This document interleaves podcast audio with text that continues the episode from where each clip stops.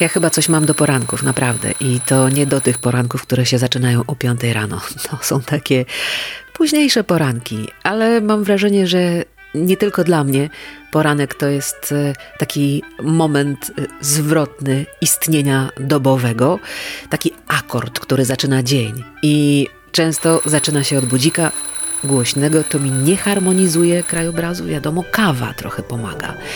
Ale od budzika do kawy to jeszcze jakoś trzeba się przeturlać. No i to nie jest proste. To, to jest wyzwanie, przynajmniej dla mnie. A dla niektórych bułka z masłem. No a do bułki z masłem to uu, ile trzeba jeszcze rozmaitych wysiłków y, zrobić.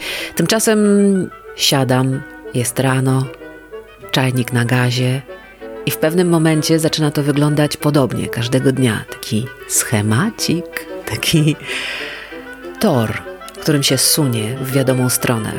W miarę bez niespodzianek. I dobrze, i niedobrze. Ale pewnego dnia sobie tak usiadłam i e, nastawiłam e, czułki na poezję poranka i wyszło mi coś takiego. Oto, oto wysysam poranek z szarego nieba, z wyblakłych bloków i zapijam kawą Potem obrabiam ten materiał w sobie precyzyjnie, nieśpiesznie.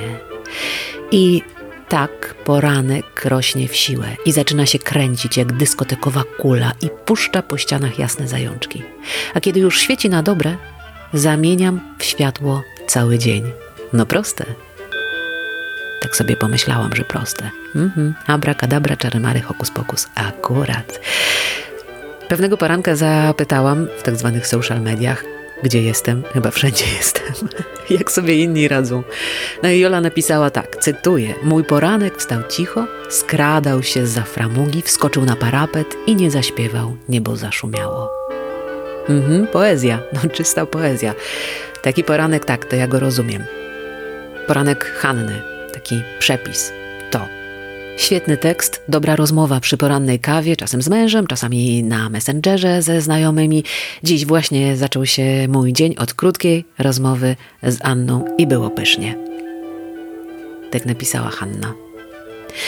To nie wygląda jak utarte tory każdego poranka i mam nadzieję, że nie tkwimy wszyscy w jednej ramie porankowych działań, bo to trochę usztywnia. Mam wrażenie, że usztywnia życie, więc jeżeli ktoś chciałby coś dodać, to można w komentarzu. Ja tam jestem otwarta na różne pomysły.